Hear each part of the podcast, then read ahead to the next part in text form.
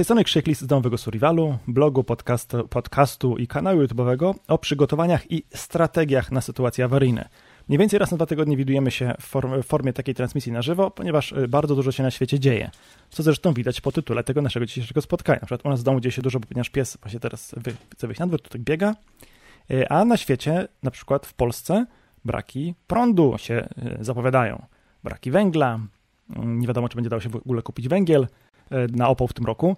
Będzie dodatek, żeby można było palić chyba pieniędzmi w sensie państwo da ludziom, którzy mają kotły na węgiel pieniądze, będą mogli te pieniądze spalić, bo chyba to tylko tyle ten, ten, ten papier będzie wart. E, nie ma cukru w sklepach, znaczy zaczyna brakować cukru w sklepach. W niektórych miejscowościach brakuje wody. Są okresowe wyłączenia tej wody, ponieważ ludzie zużywają za dużo wody, a tej wody za dużo nie ma. Są susze i ogólnie e, no, nie jest dobrze. Nie? Dzieje się bardzo dużo. Za naszą wschodnią granicą również dzieje się dużo. Ukraina jeszcze nie wygrała z Rosją, szkoda, czekam, trzymam kciuki. Była zbiórka na Bayraktara, jest zbiórka na polską amunicję krążącą. Mam nadzieję, że będzie świat zachodni w stanie dostarczać Ukrainie taką ilość y, sprzętu i amunicji, jaką Ukraina potrzebuje, czy raczej do Ukrainy taką ilość wojska i taką ilość sprzętu i amunicji, jaką Ukraina potrzebuje. Za Ukraińców wszyscy trzymamy kciuki. O czym będziemy dziś rozmawiać? W zasadzie to zależy zawsze od Was. Jak macie jakieś ciekawe pytania, to śmiało zadawajcie. Możemy od tego powoli zaczynać. Na przykład Piotr zapytał, tak mniej więcej live ile będzie trwał? Myślę, że przynajmniej do dziewiątej. Chyba, że rzeczywiście nie będzie o czym gadać, to nie będziemy tu siedzieć na siłę. E, ale na przykład na takie pytania, jak napisał Daniel, Krzyśku, czy jutro będzie padać? Nie wiem. Znaczy, na pewno będzie. Pytanie tylko, czy akurat u ciebie? Ja korzystam najchętniej z prognozy pogody meteo.pl Mm, ponieważ bardzo mi się podobają te wykresiki, które ta prognoza pogody rysuje. Ona nie jest zbyt y, jakby, nie podaje prognozy na zbyt długi okres, tylko na tam najbliższe kilkadziesiąt godzin. W większości przypadków mi to wystarcza. Bardzo polubiłem tę prognozę pogody, kiedy tam kilkanaście lat temu umawialiśmy się z kolegami i z koleżankami na strzelanki airsoftowe, bo wtedy było dobrze sprawdzić następnego dnia, czy w niedzielę, czy będzie padało i o której godzinie, żeby można się było właśnie umówić na konkretną godzinę, albo zdecydować, czy będziemy się strzelać w jakiejś hali fabrycznej, czy gdzieś na świeżym powietrzu. Także to było bardzo, bardzo fajne rozwiązanie. Od tamtego czasu tę prognozę pogody polubiłem i bardzo chętnie z niej korzystam. Mm, co uważasz o stabilizatorach benzyny? Czy są one skuteczne? Zapytał Oskar. Nie mam doświadczeń ze stabilizatorami, ponieważ mm, ja ogólnie nie mam samochodu benzynowego, tylko mam samochód, samochód na napędowy, e, który w zasadzie takich dodatków wymaga w mniejszym stopniu. To znaczy, z tego co czytałem u producentów paliwa, zdaje się, znalazłem dokumentację na stronie BP, British Petroleum, E, to paliwo powinno wytrzymać bez żadnego problemu rok w zamkniętym kanistrze i to jest to, czego ja się trzymam. Moja, mój plan wymiany paliwa z zapasu zakłada, że będę je wymieniał co roku. Ostatnio wymieniłem kanister, który miałem, który miałem ze sobą w samochodzie od dłuższego czasu. Ten kanister był napełniony, nie wiem, z 8 lat temu albo z 6, nie mam pojęcia kiedy. W każdym razie przelałem paliwo z kanistra do baku, nalałem do kanistra świeże paliwo, bez żadnego problemu samochód dalej jechał. Kluczem do sukcesu w takich sytuacjach jest zalanie takiego baku do pełna później świeżym paliwem. Przy czym wiecie, to paliwo świeże, które kupujecie na stacji, wcale niekoniecznie musi być świeże. Mogło być na przykład z wymiany jakichś zapasów wojskowych starszych, także, także trudno powiedzieć. Astrid napisał albo napisała, prawdopodobnie napisała, taką sugestię. Zawsze poprzednich, przy, przy wielu poprzednich slajdach, slajdach, live'ach prosiłem was o to, żebyście pytania kierowane do mnie zadawali wielkimi literami, a przynajmniej początek po to, żeby, żebym wiedział, że to pytanie jest skierowane do mnie, a nie, że gdzieś tam między sobą wymieniacie się jakimiś um, opiniami czy pytaniami, bo w tych, w tych czatach na, na transmisjach na żywo zawsze dzieje się bardzo dużo, co mnie też niesamowicie cieszy, ponieważ świadczy o tym, że dobrze się bawicie. Artur tutaj zwrócił uwagę na to, że olej napędowy bez biokomponentów wytrzymuje około 5 lat. To jest prawda? Bez bio, to znaczy, nie wiem, czy akurat 5 lat, natomiast prawdą jest, że bez biokomponentów wytrzymuje dużo dłużej. Tylko, że nie jest łatwo kupić olej napędowy bez biokomponentów. To znaczy, da się. Jest to napędowy olej zimowy, arktyczny i wtedy on te, tych biokomponentów nie ma. To znaczy, wtedy nie ma. Zawsze do tej pory nie miał. Czy, czy tej zimy będzie tak samo? Trudno ocenić. Yy, i to w sumie płynnie możemy przejść do pytania Szarika, mianowicie dlaczego, pytanie się, dlaczego paliwo się psuje.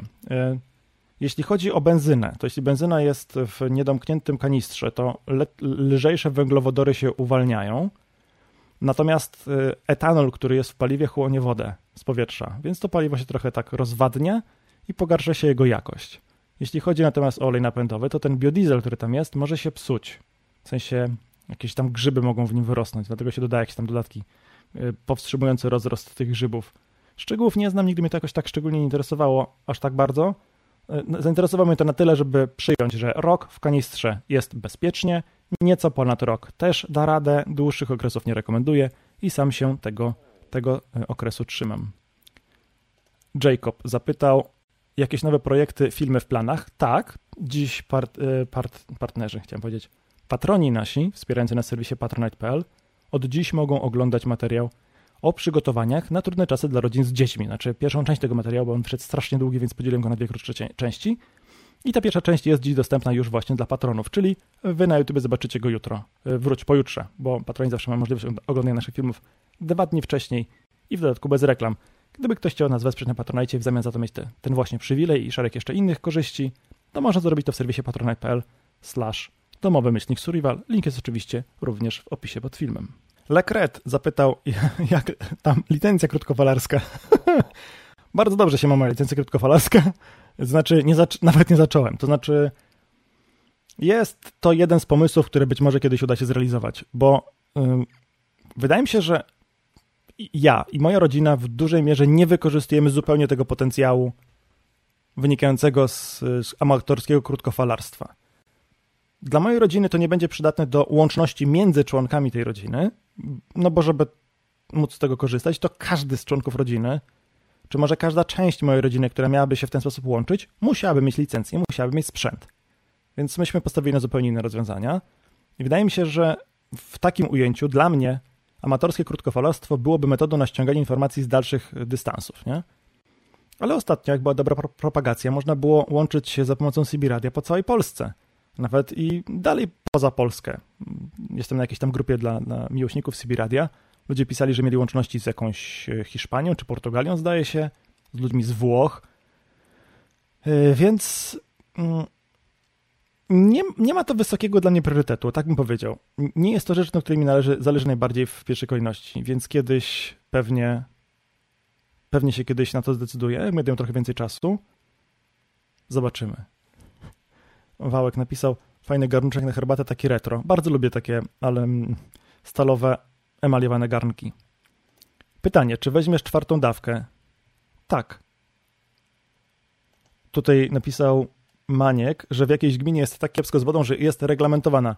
O to właśnie chodzi, e, że są takie miejsca, gdzie wody w wodociągach zaczyna brakować do tego stopnia, że trzeba ją racjonować, włączyć ją na kilka godzin w ciągu dnia, no nie? Bo ludzie na przykład y, podlewają sobie ogródki, to jest jakimś idiotyzmem, to znaczy, wróć, o, podlewanie ogródka nie jest idiotyzmem. Chociaż lepiej jest podlewać ogródek wodą z własnej studni, czy, z deszczu, czy deszczówką, niż wodą z wodociągu, która jest uzdatniona do standardu zapewniającego czystość wody do picia, że ona jest bezpieczna do picia, nie? Więc trochę marnowanie wody do podlewania ogródka, takiej uzdatnionej do picia, jest uważam przesadą. No ale jak ktoś nie ma innej wody, bo nie ma tej instalacji do deszczówki albo studni, no to niech sobie to zrobi. A jak nie ma, no to trudno, to niech podlewa wodą z wodociągu. Natomiast podlewanie trawnika wodą z wodociągu uważam za marnotrawstwo. Uważam, że no nie, nie. Nie. To jest moim zdaniem przesada. Tu gdzie by takie pytanie. O, pytanie. Sama woda nie ma w sobie, woda sama w sobie nie ma terminu. I czy można przechowywać ją o wiele dłużej i w czym?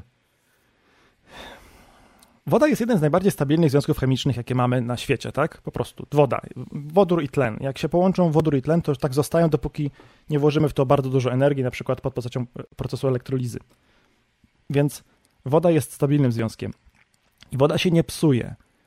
Psucie się wody polega na dwóch rzeczach w zasadzie. Po pierwsze, to jest to, że w tej wodzie zaczyna się pojawiać jakieś biologiczne życie, które może nam zagrażać. To znaczy, wlewam wodę do pojemnika, i w, tym, w tej wodzie za jakiś czas zaczyna sobie coś żyć, nie? I wtedy to, to coś, to tam żyje, zaczyna być dla mnie jakimś zagrożeniem. Nie wiem, pierwot, pierwotniaki, ameby. No bo czy glony są dla mnie jakimś zagrożeniem? No nie wiem, no pewnie byśmy znaleźli jakieś toksyczne rodzaje glonów. Czy to są akurat takie, które same wyrosną nam w wodzie, która sobie stoi, nie wiem, takiej, jak podlewacie czasami wodę, e, kwiat, kwiaty podlewacie wodą i stoi sobie taka butelka z wodą na oknie, to ta butelka robi się zielona. Czy te glony są dla nas jakoś groźne? Nie sądzę.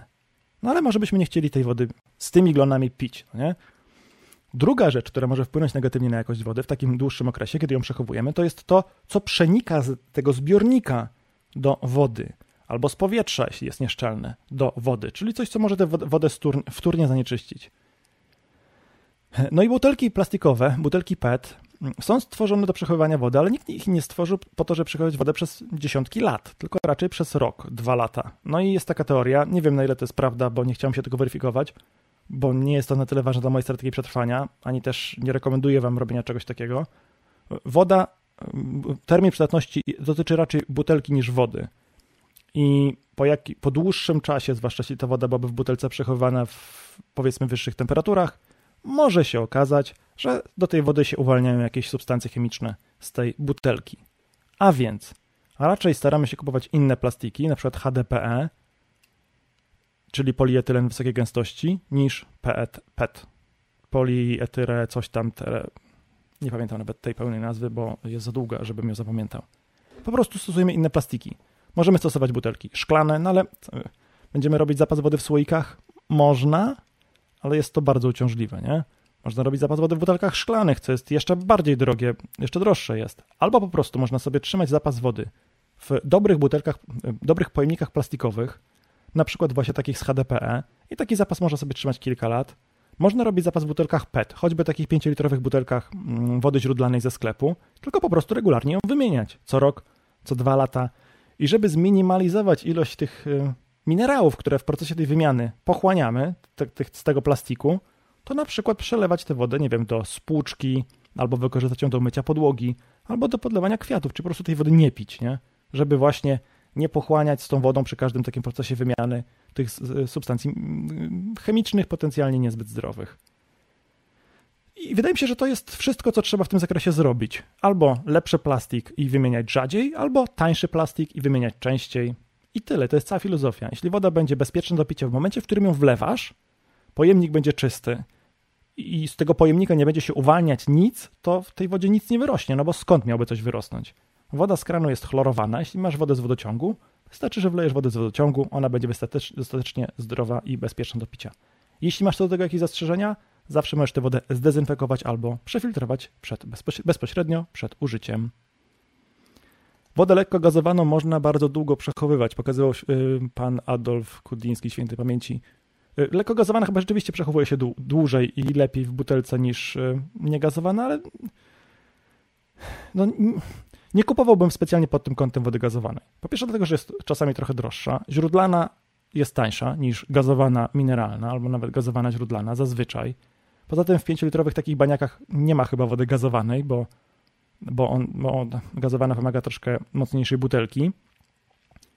Czyli po prostu y, róbmy to, ten zapas wody taniej i tak tej wody większość wykorzystamy do innych celów niż picie, więc walory smakowe tej wody gazowanej nie będą miały specjalnego znaczenia. Ja na przykład mam zapas wody, niewielki zapas wody w puszkach. Tylko, że te puszki są aluminiowe, ale w środku są pokryte lakierem. To też jest plastik.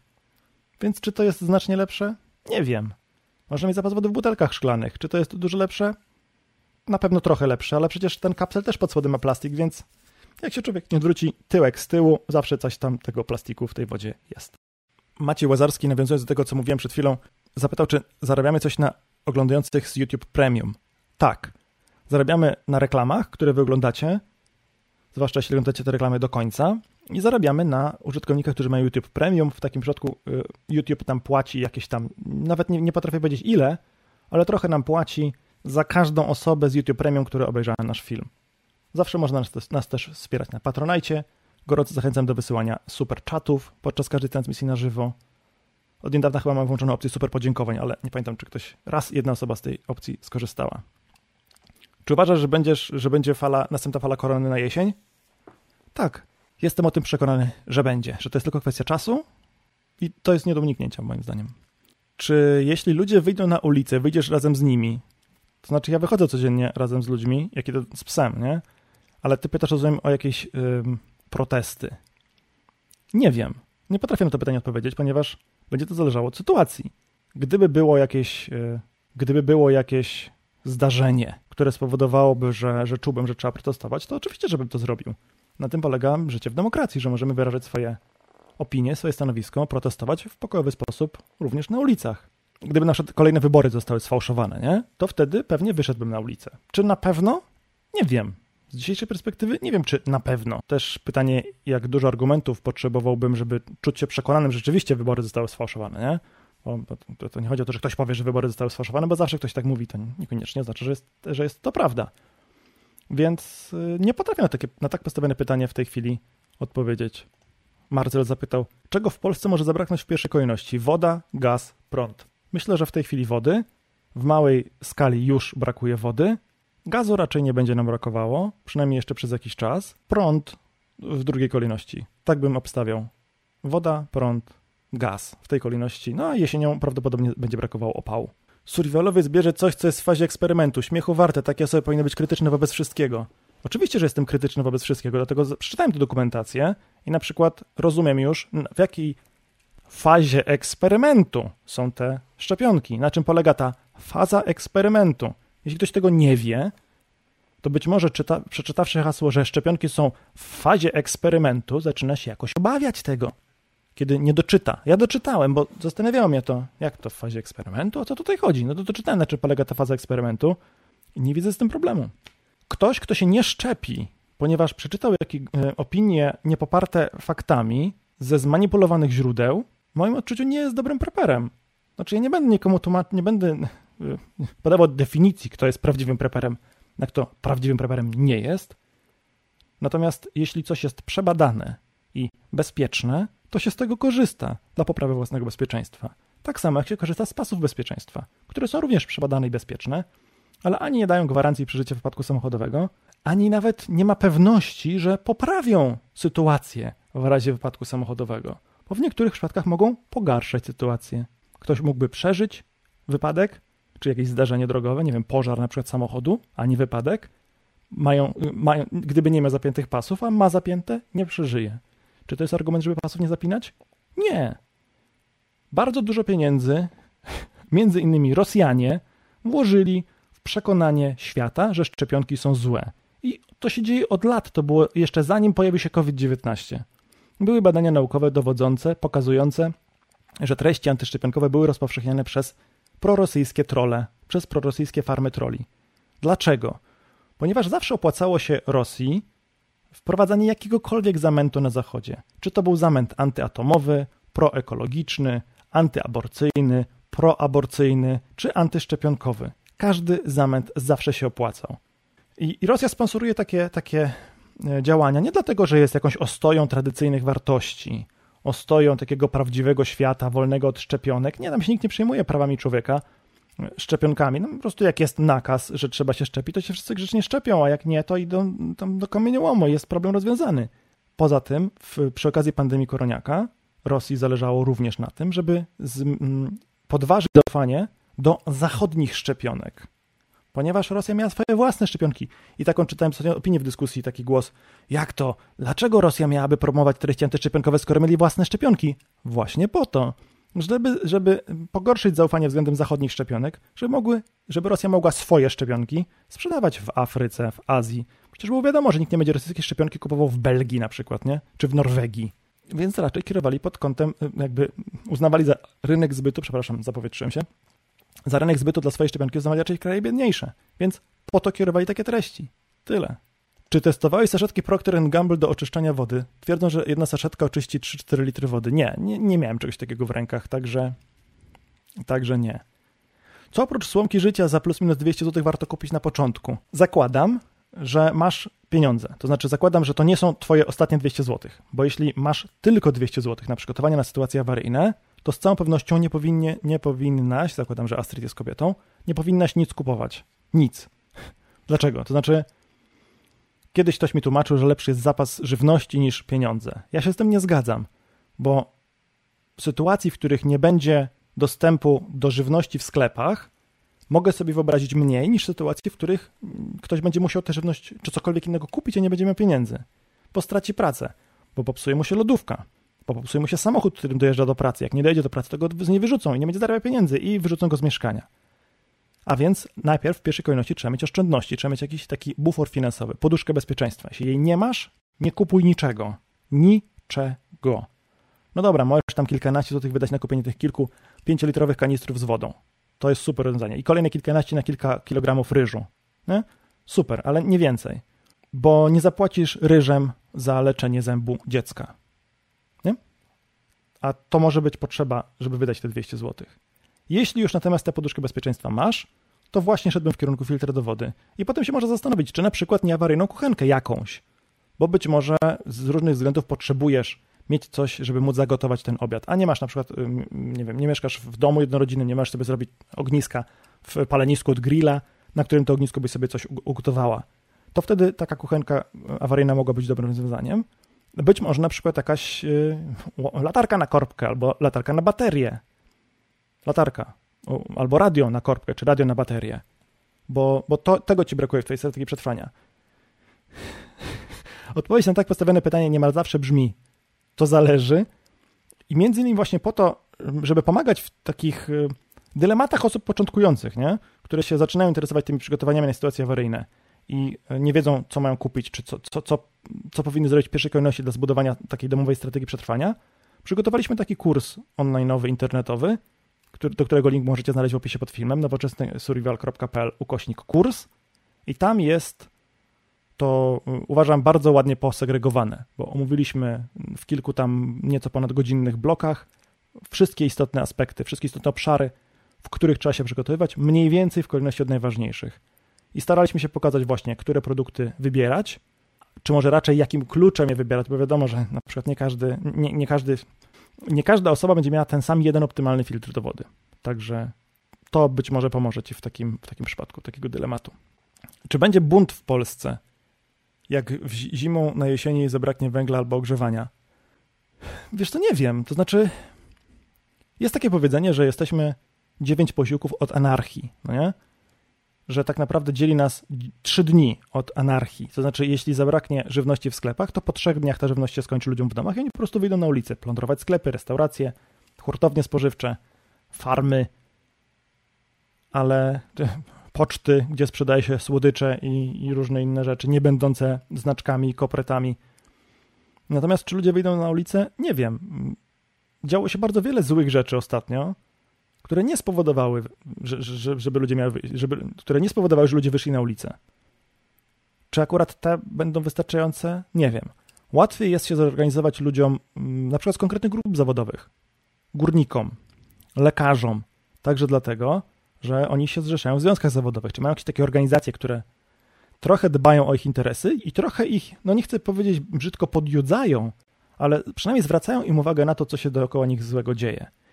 I jak się ci ludzie spotykają w takich grupach i kontestują na przykład decyzję rządu, to łatwiej jest im, wydaje mi się, podjąć decyzję o tym, żeby zacząć protestować, strajkować, niż po prostu ludziom, którzy oprócz tego, że mieszkają obok siebie i, i lubią się nawzajem albo się nie lubią, mogą nie mieć ze sobą bardzo, nie, mogą nie mieć ze sobą za wiele wspólnego. Mogą pracować w różnych zawodach, mogą mieć różny y, na przykład profil wydatków. I ta 15 i 60, 15,5% inflacji może być dla kogoś odczuwalne dokładnie 15,5, a dla kogoś innego może, ktoś inny może odczuwać, że to jest 30%, bo ma inny profil wydawania pieniędzy, no nie? Jeden może mieć mieszkanie na kredyt, drugi może mieć mieszkanie spłacone w całości albo po babci. To w ogóle nie czuje tego kredytu.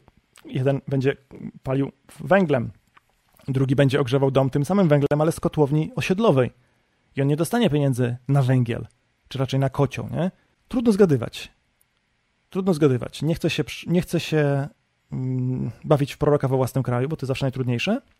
Nie wiem. Gdzie to jedzenie przechowywać, jeśli zabraknie prądu? Zapytał Sebastian.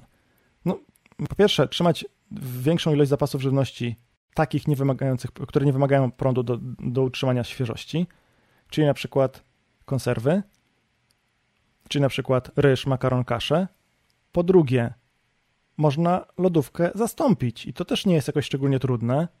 Na przykład można sobie kupić kostkarkę do lodu i wytworzyć małą, zużywając małą ilość prądu, odpowiednią ilość lodu, żeby w, w jakiejś takiej, no może nie całej lodówce, ale powiedzmy samej zamrażarce, przetrzymać część tych rzeczy. E, poza tym, jakby żywność w domowej lodówce nie jest dużym problemem, bo ją zjesz w kilka dni. Większym problemem jest to, że jak nie będzie prądu, to łańcuchy chłodnicze się posypią i się tej żywności zepsuje w skali całego kraju. Po prostu mnóstwo. Wojna w Ukrainie pokazuje, że łatwiej się bronić i bezpiecznie jest w mieście niż na wsi. Dlaczego więc kilka odcinków temu stwierdziłeś, że dobrze jest mieć miejscówkę na ewakuację pod miastem? Mm, zwróć uwagę, że stwierdziłem, że dobrze jest mieć miejscówkę na ewakuację pod miastem, a nie mieszkać pod miastem. O tym zresztą też mówię w tym materiale, który mogą od dziś oglądać patroni. Nie wiem, czy w tej dzisiejszej części, czy w tej jutrzejszej. Chyba, chyba w tej dzisiejszej części. Znaczy, dzisiejszej części, bo mówiłem, są dwie części tego materiału. Jedna już jest dostępna dla patronów, a druga będzie dopiero za kilka dni, jak ją skończę montować. Mm. Uważam, że wiele rzeczy jest bardzo, wiele rzeczy jest łatwiej w kontekście przygotowania na trudne czasy zrobić na wsi, pod miastem. Na przykład łatwiej jest o studnie niż y, pod miastem, jak się ma dom, niż jak się mieszka w bloku w mieście. No bo ja sobie nie wywiercę studni na trawniku, nie? Zwłaszcza, że pod trawnikiem jest y, garaż podziemny. Albo może jakaś magistrala gazowa. Albo metro. No akurat nie u mnie, nie? W każdym razie, o wiele rzeczy jest na wsi łatwiej. Z drugiej strony, wiele rzeczy jest y, łatwiej w mieście, w kontekście normalnych czasów. O pracę, o dobrą edukację, o dostęp do kultury, mniej czasu się spędza na dojazdach do pracy, dzieci do szkoły nie trzeba zawozić, można je wsadzić w autobus, sobie same pojadą. Więc pod pewnymi względami jest lepiej mieszkać w mieście. I jeśli mieszkasz w mieście, uważam, że dobrze byłoby mieć cel ewakuacji gdzieś za miastem, bo w mieście będzie dużo trudniej, jeśli na przykład zabraknie prądu, bo tutaj mieszkańcy nie będą w stanie sobie sami tego prądu wytworzyć. Nie będą mieli skąd wziąć żywności dla siebie. Na wsi mogłoby to być łatwiej. Na wsi można mieć duży zapas żywności w ziemiance, może ktoś jest rolnikiem i z różnych względów po prostu tę żywność produkuje, bo ma swoje jajka, bo ma swoje świnki, bo ma swoje zboże w dużych ilościach na przykład, nie? Więc pod pewnymi względami jest na, na, na wsi lepiej. Ale to w żadnym stopniu nie oznacza, że na wsi jest najlepiej i że to jest najlepsze rozwiązanie dla każdego. Co między innymi właśnie pokazała wojna w Ukrainie i fajnie, że na to zwracasz uwagę. Lepiej w kolejności kupić, w pierwszej kolejności kupić igłę z nitką czy sztuczne szwy do apteczki jeśli umiesz korzystać z jednego i drugiego, to prawdopodobnie wiesz, które z tych rozwiązań jest lepsze i które z tych rozwiązań lepiej tobie działa. Jeśli nie wiesz, to może najpierw spróbuj się nauczyć gdzieś w jakiś sposób. Bo tu, mm, one pewnie mają jakieś korzyści jednej i drugiej. Na przykład te, to, się, to ma jakąś taką nazwę, coś tam strip, te takie paski, co się przykleja na ranie, nie? One są pewnie pod, pod pewnymi względami lepsze od szwów ale ja nie mając kompletnie żadnego doświadczenia z tymi paskami, nie kupowałbym ich, bo po prostu nie byłbym pewny, że będę w stanie dobrze z nich skorzystać, a wydaje mi się, że byłbym w stanie dobrze skorzystać z klasycznych metod do szycia. Jednym z najlepszych wyjść jest mieć domek w lesie. Tak, jeśli nie potrzebujesz tego lasu iść do pracy. Jeśli nie potrzebujesz tego lasu łączyć się z internetem do pracy. Jeśli nie potrzebujesz tego lasu dojeżdżać z dziećmi do szkoły. A, bo tu Piotr napisał, że na sytuację kryzysową oczywiście. Na wiele sytuacji jest to lepsze rozwiązanie. Dlatego z perspektywy mojej rodziny i innych ludzi bliskich, których mam, mieszkających w Warszawie, bo siłą rzeczy mam najbliższy kontakt z ludźmi mieszkającymi w Warszawie, ponieważ to są moi koledzy z pracy na przykład, nie? Wydaje mi się, że dla ludzi takich jak ja i, dla, i mnie podobnych najlepszym rozwiązaniem jest właśnie mieszkać na co dzień w mieście, a mieć gdzieś metę pod miastem. Choćby to był dom rodzinny, jak się ktoś na przykład pochodzi z mniejszej miejscowości 100 km od Warszawy albo działka gdzieś pod miastem, albo pusta działka, gdzie się w razie czego przyjedzie z namiotem, bo jest tam zakopany, e, zakopany w beczkach mamy zapas żywności, filtru do wody, koców i tak dalej. To jest lepsze rozwiązanie niż gnić w mieście pod bombardowaniem, albo jak nie będzie prądu i będą zamieszki. Także tak. A podczas wojny, zapytał Piotr.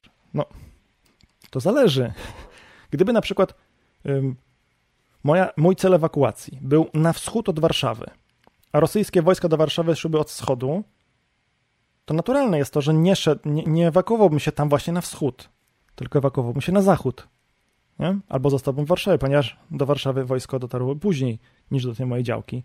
Nie chciałbym być jednym z cywilów leżących na ulicy ze związanymi rękami, jak Ukraińcy w Buczy. Co sądzisz o panelu słonecznym do ładowania 20 W Gol Zero Nomad? Nie miałem go w ręku nigdy, więc trudno mi powiedzieć. Tego typu produkty dobrych marek Myślę, że nie są złe, ale tego konkretnego nie widziałem nigdy na oczy, więc nie wiem. Tu jest komentarz Daniela, że 20-watowy panel będzie działać tylko w bezpośrednim słońcu. Tak, to prawda, on na pewno nie da sensownej ilości energii, jak nie będzie w bezpośrednim słońcu. Daniel pisze, że skończył budowę instalacji off-grid, czyli takiej, która działa bez podłączenia do sieci i latem ma ona moc 3,3 kW, a zimą od 0 do 50 W. No, taka prawda. Taka prawda niestety. Widzę, że Ondre ma dziś y, misję, żeby przekonać nas, żebyśmy nie brali szczepionek. Prawdziwy survivalowiec nie wprowadza do organizmu jakiegoś G w fazie eksperymentu, a raczej stara się dbać o zdrowie i przyjmuje sprawdzone substancje. Mój drogi, jeśli przyjmiemy, że mamy do czynienia z eksperymentem na globalną skalę, to obaj jesteśmy jego częścią. Ja jestem częścią tej grupy, nad którą lekarze się pochylają, badając leki i badając szczepionki, które my dostajemy, a ty jesteś tą grupą, która nie dostaje niczego i do, do twojej grupy będzie się porównywa, porównywało śmiertelność zaszczepionych. Na razie dane pokazują, że, szczep, że śmiertelność zaszczepionych jest dużo mniejsza niż śmiertelność niezaszczepionych. Zaszczepieni dużo rzadziej są hospitalizowani niż niezaszczepieni i nie ma aż tak dużo negatywnych skutków szczepień, czy nie ma dowodów na negatywne skutki szczepień, że można było ludzi przekonywać, żeby tego nie robili. Bo to, że ktoś umarł po szczepionce, to naprawdę nie jest argument. Wszyscy moi pradziadkowie i prababcie umarli po wypiciu herbaty. Wszyscy. Wszyscy, 100%. Każde jak jeden mąż zmarło po wypiciu herbaty. Czy będziemy na tej podstawie twierdzić, że herbata była przyczyną ich śmierci i że należy jej zabronić? Nie. Więc nie daj, się, nie daj sobą manipulować. Bardzo łatwo jest zmanipulować ludzi. Ludzi jest łatwiej zmanipulować niż, im, niż ich przekonać, że zostali zmanipulowani. Niestety taka jest prawda. W kontekście tego, tego 20-watowego panelu napisał Mirrord. Mirrord. Panie, co to jest 20 watów? Tragedia. Telefon ledwo naładujesz. No, niby tak, ale nie do końca. To znaczy, słuchajcie, jakby się tak naprawdę dobrze zastanowić, do czego my potrzebujemy energii elektrycznej w domu? Zakładamy, że jest sytuacja naprawdę kryzysowa, nie pracujemy, tak? Nie muszę się wdzwaniać, no bo ja potrzebuję prądu, żeby móc pracować z tego komputera, przed którym siedzę, z moją pracą. Czyli potrzebuję mieć prąd, komputer i internet. Ale gdyby moja praca jakby no, nie działała, to do czego ja jeszcze potrzebuję w domu prądu? Gdybym mieszkał w domu jednorodzinnym, potrzebowałbym prądu do lodówki, może wentylacji oraz podtrzymania instalacji centralnego ogrzewania, może ewentualnie hydroforu jeśli miałbym wodę z własnej studni, która jest na dużej głębokości i nie mógłbym na przykład tej wody wyciągnąć wiadrem. Bo mm, planując taką instalację, alternatywną instalację, czy awaryjną instalację zasilającą w, w prąd, łatwiej jest zastąpić coś urządzeniem niewymagającym prądu, niż na, za wszelką cenę starać się ten prąd wytworzyć. Jeśli ktoś ma kuchenkę indukcyjną, nie da się zrobić instalacji fotowoltaicznej, która w środku zimy, zimy da tyle prądu, żeby się dało na czterech palnikach jednocześnie na tej kuchence znaczy palnikach, jednocześnie w kuchence gotować. Nie da się, bo to, to wymagałoby olbrzymiej instalacji. Więc zamiast tego po prostu trzeba mieć jakąś awaryjną kuchenkę, która będzie działać bez prądu. I tak samo, każdy inny system wymagający y, do działania prądu trzeba zamienić na taki, który nie wymaga prądu. W ostateczności zostaje nam telefon komórkowy do łączności, może radio i latarki. No bo oczywiście świece są, ale latarki dają więcej światła niż świece i łatwiej jest mieć y, nawet ładowarkę na korbkę, czy tą 20W ładowarką słoneczną, naładować jakąś, e, jakiś akumulatorek AA czy 18650, niż y, trzymać świecę w domu. Więc nie ma się co przejmować. Oczywiście, 20W panelem nie zasilimy całego domu, ale jeśli jest to jedyny panel, jaki jesteś w stanie kupić, lepiej jest mieć taki panel, niż nie mieć żadnego. Kropka. Chociaż może lepiej byłoby kupić za te pieniądze przetwornicę 12 na 230 do samochodu, bo w samochód jest agregatem prądotwórczym. Tam ma silnik, ma acelerator, ma zapas paliwa i to jest agregat prądotwórczy. Może to byłoby lepsze rozwiązanie niż taki panel. Także yy, pozostawiam do przemyślenia. Do powerbanków super, o, właśnie. Do radiostacji panel wyłącznie przez akumulator. Jeśli mówimy o radiostacji takiej nadawczo-odbiorczej, to no tak, bo panel może jakieś tam zakłócenia wprowadzać i może dać duże napięcie, więc nie może być bez akumulatora. Bardzo słuszna uwaga. Pozdrawiam. Jak mają działać ci, co w kawalerce mieszkają w bloku? O rany, Katarzyna. To, to... Ja bardzo cierpię w momencie, kiedy dostaję trudne pytanie tego typu. Cierpię nie dlatego, że jest to trudne pytanie i ja nie znam odpowiedzi na nie, tylko bardzo chciałbym zdać odpowiedź na to pytanie. Bardzo chciałbym móc mieć dla ciebie gotową, gotowe rozwiązanie. Nie ma gotowego rozwiązania. Jeśli ktoś nie ma miejsca na rzeczy, które potrzebuje, żeby przetrwać trudne czasy, na przykład na zapas wody, to po prostu nie może tego zapasu wody mieć. I wtedy musi położyć nacisk nieco inaczej, żeby mieć nie tyle zapas, co metodę, żeby tę wodę do domu przynieść, w razie czego, nie? Pojemniki jakieś składane najlepiej, w których tę wodę przyniesie. Albo ustawione jedno w drugim trzy wiadra z pokrywkami, w których na co dzień trzyma coś, nie wiem, proszek do prania, a w razie czego przyniesie wodę z rzeki i filtr do wody. I tak samo należy podejść wtedy do wszystkich innych rzeczy. jeśli coś musisz, czegoś nie możesz mieć, musisz szukać innego rozwiązania. I wiecie, wiecie, przygotowanie na sytuacje awaryjne nie chodzi o to, żeby kupić kolejny gadżet, żeby kolejną rzecz z list sobie odfajkować, ale fajny mam teraz multitool czy kolejny nożyk, nie? Super fajny nożyk, super fajna latarka z gadżetami, super fajny powerbank z gadżetami. Nie, nie GPS z gadżetami, zegarek z gadżetami. Nie, nie, nie o to chodzi. W przygotowaniach na sytuacje awaryjne chodzi o to, żebyśmy byli w stanie zaspokoić potrzeby naszej rodziny bez względu na to, co się dzieje. Jest gaz, nie ma gazu. Jest prąd, nie ma prądu. Jest woda w kranie, nie ma wody w kranie. Jest wojna, jest kryzys gospodarczy, są zamieszki w mieście, jest pożar, czy jest powódź. Bez względu na przyczynę, potrzeby życiowe rodziny są takie same. Trzeba się najeść, napić, umyć. Nie? W skrócie, tam oczywiście schronienie i tak dalej. I po prostu musimy się skupić na tym, żeby te potrzeby zaspokoić. A w jaki sposób to jest w zasadzie kwestia wtórna. Trzeba szukać po prostu takich rozwiązań. Na przykład być może pod szafkami w kuchni trzymać zapas butelek PET z wodą. Tam nikt nigdy nie zagląda pod szafki. Pod, pod taką maskownicę, nie? Pod ostatnią e, szafką, pod, pod dolną półką w szafce jest taka pionowa deska, która zasłania tę przestrzeń. Tam można trzymać jakieś rzeczy, na przykład. Myślę, że jedną z ważniejszych rzeczy, którą powinien zrobić ktoś, kto ma dom, ma mieszkanie w mieście, powinno być właśnie to, żeby ta osoba była gotowa do ewakuowania się z tego miasta sprawnie. I tyle. Skoro średnia temperatur na Ziemi rośnie, to liczba pożarów, które też znowu podnoszą temperaturę i CO2 znowu podnosząc temperaturę, czy może dojść do reakcji łańcuchowej? To znaczy, powiem tak.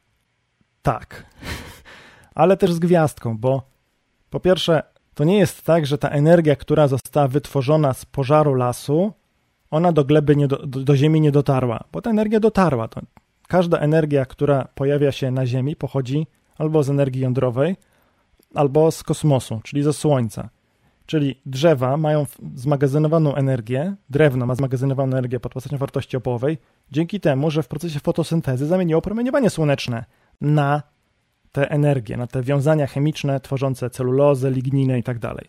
Także gdyby ten liść nie przechwycił tego promieniowania słonecznego i nie wytworzył te, tej ligniny czy tego tam, tej celulozy, to wtedy ten promień słoneczny dotarłby powiedzmy w ostateczności do skały czy gleby, nagrzał ją. Więc y, akurat ta ilość energii wydaje mi się, że w całym tym procesie jest y, nieznacząca. Jeśli natomiast chodzi o CO2, to CO2 spalone dziś z drzew mających 100 lat, 100 lat temu krążyło w atmosferze, nie? Więc to nie jest tak, że to jest, że to, że to jest tak jak ze spalania paliw kopalnych. To nie, to nie jest ten sam jakby zastrzyk y, CO2 do atmosfery więcej, większe znaczenie mają ludzie niż to, że są pożary. Chociaż oczywiście te pożary trzeba gasić też dlatego, że też dlatego, że te pożary zagrażają ludziom. Artur napisał, że pożar daje dym, a dym w powietrzu wiąże wodę. To znaczy, to jest chyba, nie wiem do końca, Artur, co ty masz na myśli. Jest taki mechanizm, a, i że daje to ulewę. Jest taki mechanizm, że jak jest chmura, czy, czy może jak jest powietrze z dużą wilgotnością, to o ile nie ma jądra kondensacji, to, to nie powstają, jąder kondensacji, to nie powstają kropelki i nie powstaje chmura. Dlatego na przykład się tam coś, jodek srebra rozpyla w atmosferze, żeby zaindukować to powstawanie chmur. I na tym polega sterowanie pogodą właśnie. I to jest oczywiście wykonalne, to się robi. Dym też, pyły zawieszone zmniejszają ilość ciepła docierającego do powierzchni gruntu, ponieważ odbijają część tego promieniowania, promieniowania słonecznego. No i kiedyś Stanisław Lem mówił, że jak tam palimy, to z jednej strony dajemy CO2, czyli efekt cieplarniany, ale z drugiej strony jest dym, który zmniejsza ilość energii docierającej do powierzchni, bo się odbija, a chmury odbijają.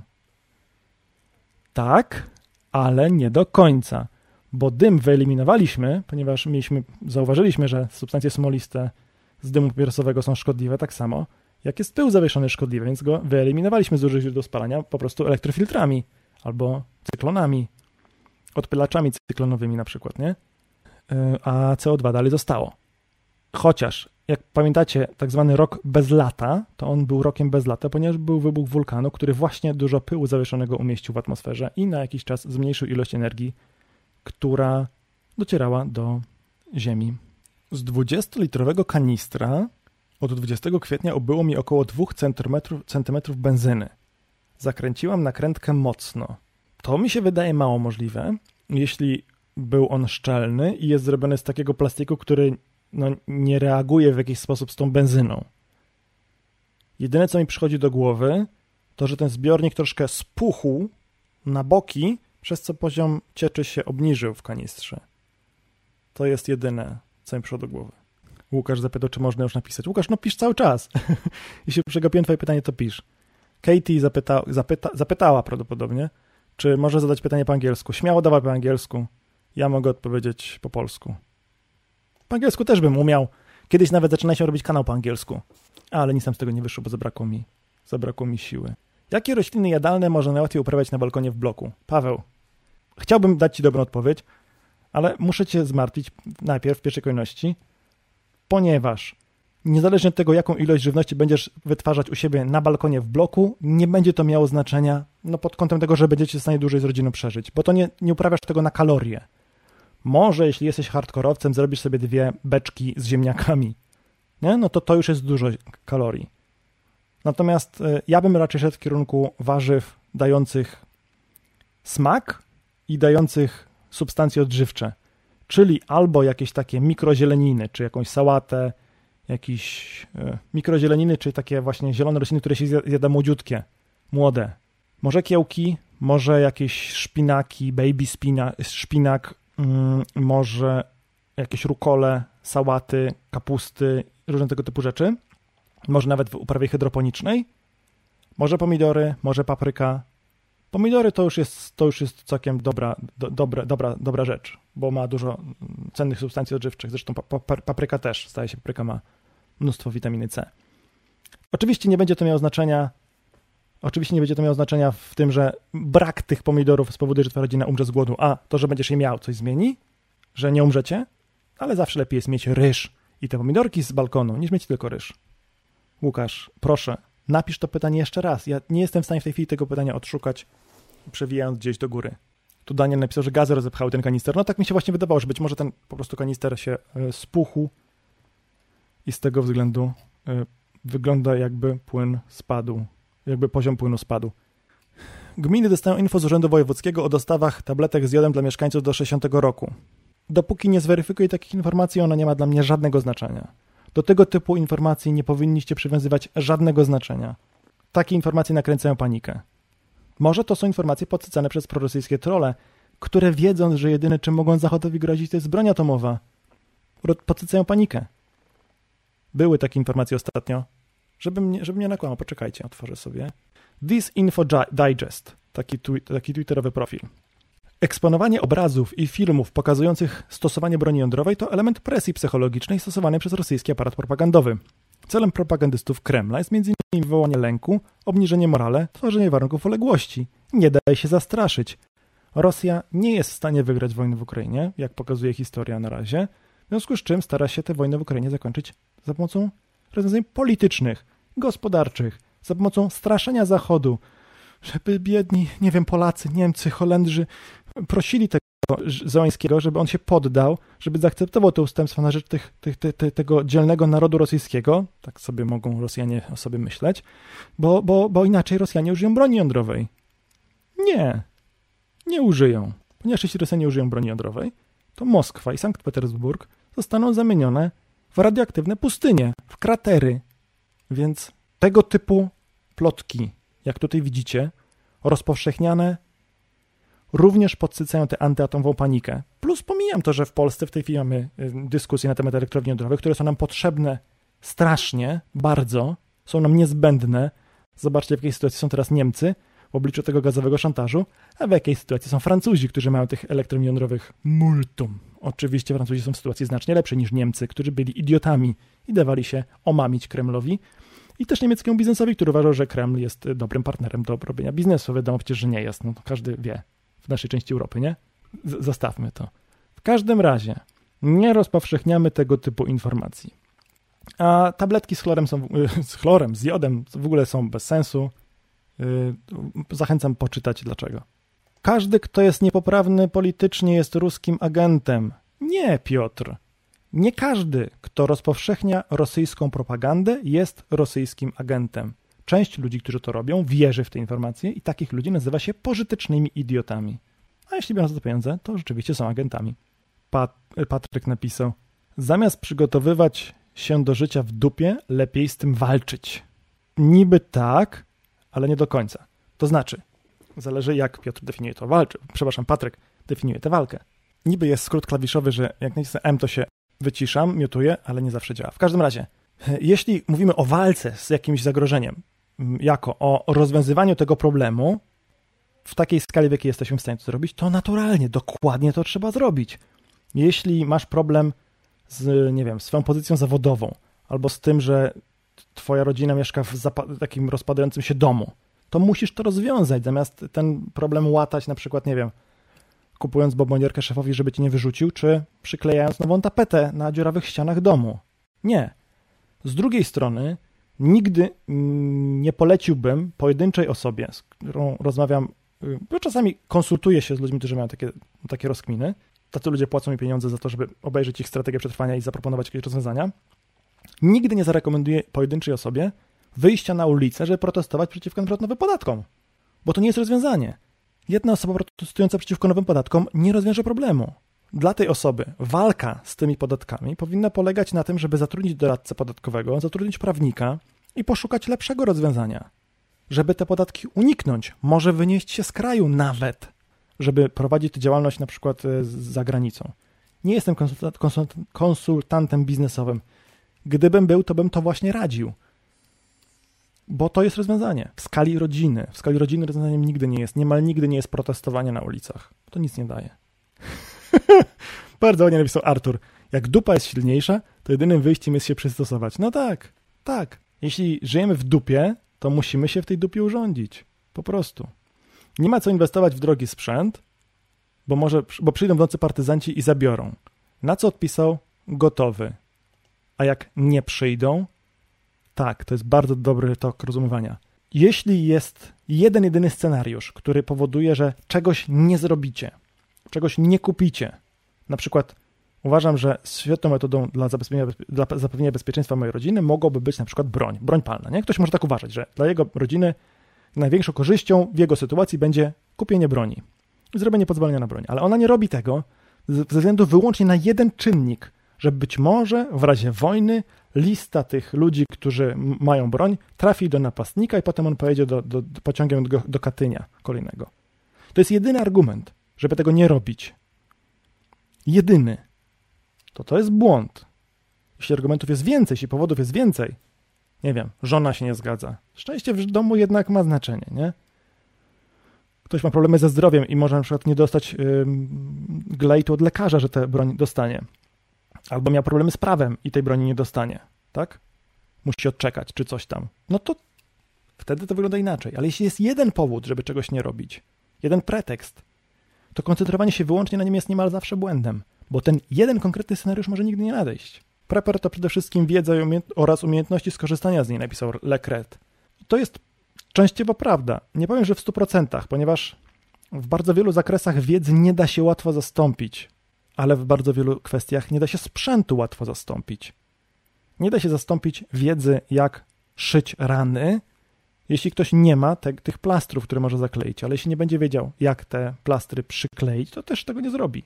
Jeśli ktoś nie wie, jak leczyć złamanie, to najlepszy sprzęt tego problemu nie rozwiąże. Nie mamy robotów leczących złamania jeszcze.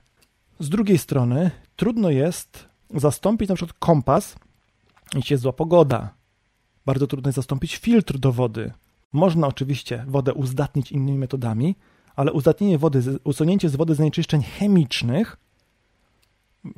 metodami zaimprowizowanymi jest praktycznie niewykonalne. Jedyna metoda, która jest dobra, ale nie jest idealna, to jest destylacja tej wody. Ona nie jest idealna, ponieważ część zanieczyszczeń z wody odparuje i skropli się. Gdyby na przykład wodę mieć zanieczyszczoną alkoholem, to alkohol odparuje i skropli się wcześniej niż woda. Więc destylacja tej wody jedynie zwiększy stężenie tego alkoholu. Po to się destyluje alkohol. Więc myślę, że trzeba znaleźć taki dobry punkt równowagi między sprzętem a umiejętnościami. Odpowiedni dla każdego z nas, bo każdy z nas ma troszkę inne sytuacje, nie? Posiadanie broni ostrej wiąże się z tym, że w razie mobilizacji ci, co ją mają, to idą pierwsi w kamasze. Wydaje mi się, że nie ma takich y, przepisów, które by tak twierdziły. Zresztą byłoby to idiotyczne, bo w pierwszej kolejności w Kamasze powinni iść ludzie, którzy są przeszkoleni. Ktoś, kto ma na przykład sztucer i rocznie strzela z tego sztucera pięć razy, nie jest lepiej przeszkolony niż ktoś, kto był na zasadniczej służbie wojskowej 20 lat temu. Nie jest, więc to, to wydaje mi się, że to nie jest prawda. Poza tym byłoby to idiotyczne. Katarzyna, z którą rozmawialiśmy wcześniej o tej kawalerce, napisała, że ma awaryjną kuchenkę, a zapasów już nie mam gdzie, gdzie chować. Ale w mieście czasami można sobie gdzieś wynająć kawałek przestrzeni magazynowej. W dużych miastach pojawiają się takie samoobsługowe magazyny, gdzie można wynająć nawet metr kwadratowy jakiejś tam skrytki lokatorskiej, znaczy no nie lokatorskiej, bo w tym magazynie. I tam można na przykład sobie trzymać rzeczy, jak ktoś nie ma miejsca w, w, bloku. Ja kiedyś wynająłem od miasta garaż, niedaleko miejsca, gdzie mieszkałem.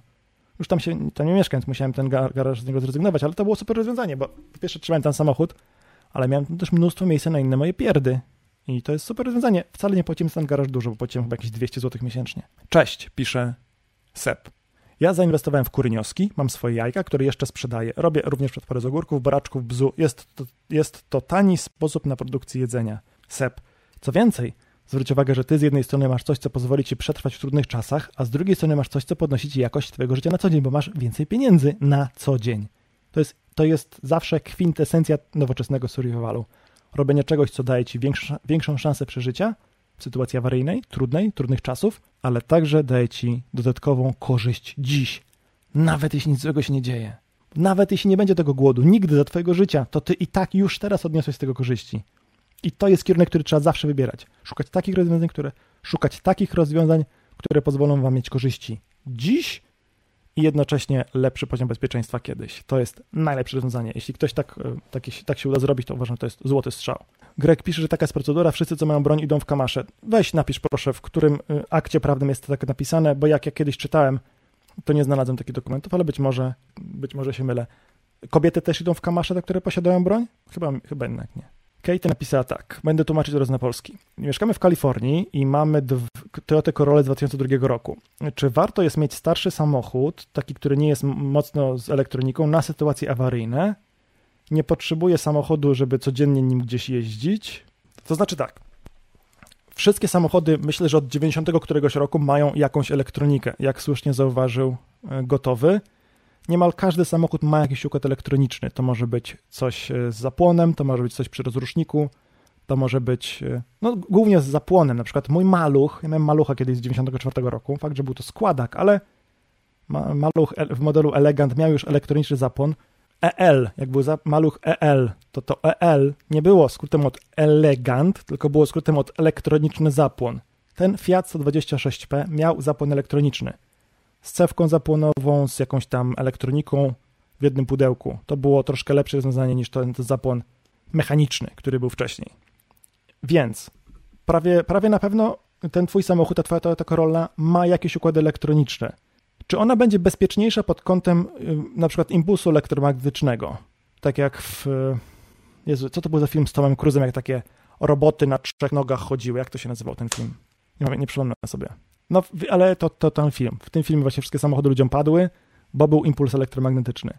To nie jest wysoko, to nie jest jedno z jakby zagrożeń, którym, których ja się personalnie obawiam. Więc raczej personalnie skłaniałbym się ku kupieniu nowszego samochodu. Ja bym raczej kupił nowszy samochód, jeśli byłby bardziej ekologiczny, tańszy w utrzymaniu, wygodniejszy, ale też bezpieczniejszy, bo Nowsze samochody mają więcej tych systemów zapewniających bezpieczeństwo. E, poduszki powietrzne, strefy kontrolowanego zgniotu. Przez 20 lat naprawdę zrobiliśmy sporo w tym zakresie, jeśli chodzi o przemysł motoryzacyjny. Więc jeśli nie potrzebujesz tego samochodu i nie jeździsz nim codziennie, czyli nie ryzykujesz przez to więcej życiem własnym czy życiem swoich dzieci, to może nie musisz go sprzedawać. Chociaż jak znam życie i sytuację w USA, to obstawiam, że w waszym, waszym domowym budżecie sprzedanie czy nie sprzedanie tego samochodu nie zrobi żadnej różnicy, bo chyba koszty jego utrzymania nie będą duże. Więc w takiej sytuacji chyba bym go trzymał i może ewentualnie kupił drugi samochód. Lepszy. Ale ja już kiedyś miałem taki samochód starszy, nie? Nigdy z powrotem, nigdy więcej. Była tam dyskusja o tym, że, że rower jest najlepszy. Tak, rower i sakwy są pod wieloma względami bardzo, bardzo dobre. Michał i Daniel i District Light napisali, że to była wojna światów. Tak mi się właśnie wydawało, że to była Wojna Światów. Katie naglądała się Wojny Światów. To jest naprawdę super film, ja go, bardzo mi się ten film podobał. Obejrzałem go chyba ze trzy razy. Mateusz napisał, że najpierw w, w, w, w Kamasze idzie Greg Marsden zapisanie kocopołów. A Piotr napisał, że jest równoprawnienie, że kobiety również do armii. Ja uważam, że powinny być kobiety również w armii. Uważam, że w armii powinni być wszyscy. Jeśli mamy obowiązek obrony ojczyzny, to powinni jej bronić wszyscy. Kobiety i mężczyźni. Jak w Izraelu. A nie tak, że życie mężczyzn jest tańsze niż życie kobiet i mężczyźni. Muszą bronić kraju, a kobiety mogą wyjeżdżać. To mi się bardzo nie podoba. Krzysiek, czemu nie widziałem w Twoim zestawie przetwornicy i akumulatora, tylko drogie gotowce? Mm, mam przetwornicę i akumulator. Na działce mam yy, przetwornicę i akumulator. Także ja mam takie rzeczy. Po prostu nie pokazywałem tego nigdy, bo nie uznałem, że jest to jakoś szczególnie interesujące. Przed, najprostszą przetwornicą, jaką sobie można kupić, jest UPS domowy. Też super rozwiązanie. A dlaczego ja pokazuję gotowce? Bo dostaję te gotowce do testów, więc jak dostaję od firmy coś gotowego do przetestowania, no to to pokazuję. Gdybyśmy mieli współpracę z jakąś marką, która produkuje e, przetwornicę i akumulatora, bo takie zestawy, to byśmy to pokazali. Kiedyś był na kanale materiał pokazujący, jaki mam zestaw fotowoltaiczny. No to, to właśnie to jest to. Jakby kobiety miały walczyć, to kto by się wtedy opiekował dziećmi? No jeśli rodzina ma dziecko, to jedna osoba, rozumiem, z tej rodziny jest zwolniona z obowiązku świadczenia, świadczenia tego typu e, usług na rzecz ojczyzny. Ale niekoniecznie musi to być kobieta. Taka jedna zapytała, w jakiej walucie trzymać oszczędności. Był na ten temat osobny materiał, nie tak dawno, bardzo długi, o ochronie pieniędzy przed inflacją. Myślę, że przede wszystkim w takich walutach, które wolniej tracą na wartości niż złotówka. I gdybym ja miał decydować dziś w swoim imieniu, złotówka to euro, dolar, frank szwajcarski. Szalejąca inflacja oraz sytuacja na wschodzie mocno wpłynęły na Twoje przygotowania. Nie. To znaczy, to nie jest tak, że ja na przykład wskutek wojny w Ukrainie zacząłem robić rzeczy, których nie robiłem wcześniej. Jedyne, co, do czego mnie ta wojna w Ukrainie przekonała, co nie byłem przekonany wcześniej, to jest to, że może ryzyko ataku Rosji na Polskę jest mniejsze niż myślałem wcześniej. Natomiast w dalszym ciągu moje przygotowania są bardzo podobne. Teraz dokupiłem cukru, no bo mi się skończył, nie? Jak zaczęła się wojna, ludzie rzucili się na stację paliw, to ja nie rzucałem się na stację paliw, bo miałem paliwo. Miałem zapas paliwa. Także nie musiałem nic takiego robić. Czy zrobisz jakiś materiał apteczce? Jest bardzo dobry materiał apteczce na naszym blogu. Tytuł ma Apteczka kryzysowa. Naprawdę super materiał. Dopóki nie zrobimy czegoś lepszego, nie będzie czegoś lepszego. Czy według Ciebie rozsądnie jest kupić kolejną sztukę broni do ochrony osobistej, czy karabinek bocznego zapłonu do polowania na dobrą zwierzynę jako uzupełnienie diety? Nie wiem, gdzie mieszkasz. W mieście na przykład uważam, że kolejny karabinek do strzelania na gołębie mija się z celem, bo nie potrzeba kupować karabinku i marnować miejsca w pozwoleniu na broń, tylko wystarczy kupić wiatrówkę. Tą wiatrówką też upolujesz gołębia. I, I taniej, i szybciej, i ciszej. Ciszej, bo ciszej strzela wiatrówka niż karabinek y, bocznego zapłonu. Nawet chyba z tłumikiem będzie strzelał. No, myślę, że podobnie głośno jak wiatrówka. Ale z drugiej strony, y, kiedyś czytałem jakieś takie badania, czy artykuł o badaniach mm, dotyczących postrzałów w USA i podobno bardzo skutecznym kalibrem powstrzymującym napastników jest właśnie 22 bocznego zapłonu. Ale nie dlatego, że ma jakąś dużą energię, tylko dlatego, że łatwo jest wcelować oraz, że ludzie chętnie um, często strzelają z takiej broni, więc są z niej ostrzelani i idzie im to dobrze. I wtedy może taki karabinek bocznego zapłonu jednocześnie byłby metodą na pozyskanie żywności, jak i metodą samoobrony. Także może, może taką. Czy uważasz, że na świecie będzie problem z jedzeniem? Będzie. Dopóki się nie skończy wojna w Ukrainie i Rosjanie nie przestaną atakować portu w Odessie, nie przestaną bombardować i podpalać e, z, tych e, upraw zbóż, to będzie. Niestety. To jest e, jedna z metod, jaką Putin chce wygrać wojnę ze światem, po prostu w ten sposób. Dobra, kochani, z mojej strony to tyle. Było mi bardzo sympatycznie Was zobaczyć. Widzimy się na kanale jeszcze w tym tygodniu przynajmniej raz, ponieważ będzie jeden materiał, o którym wspomniałem dziś na początku. Do zobaczenia. Miłego wieczora. Trzymajcie się. Cześć.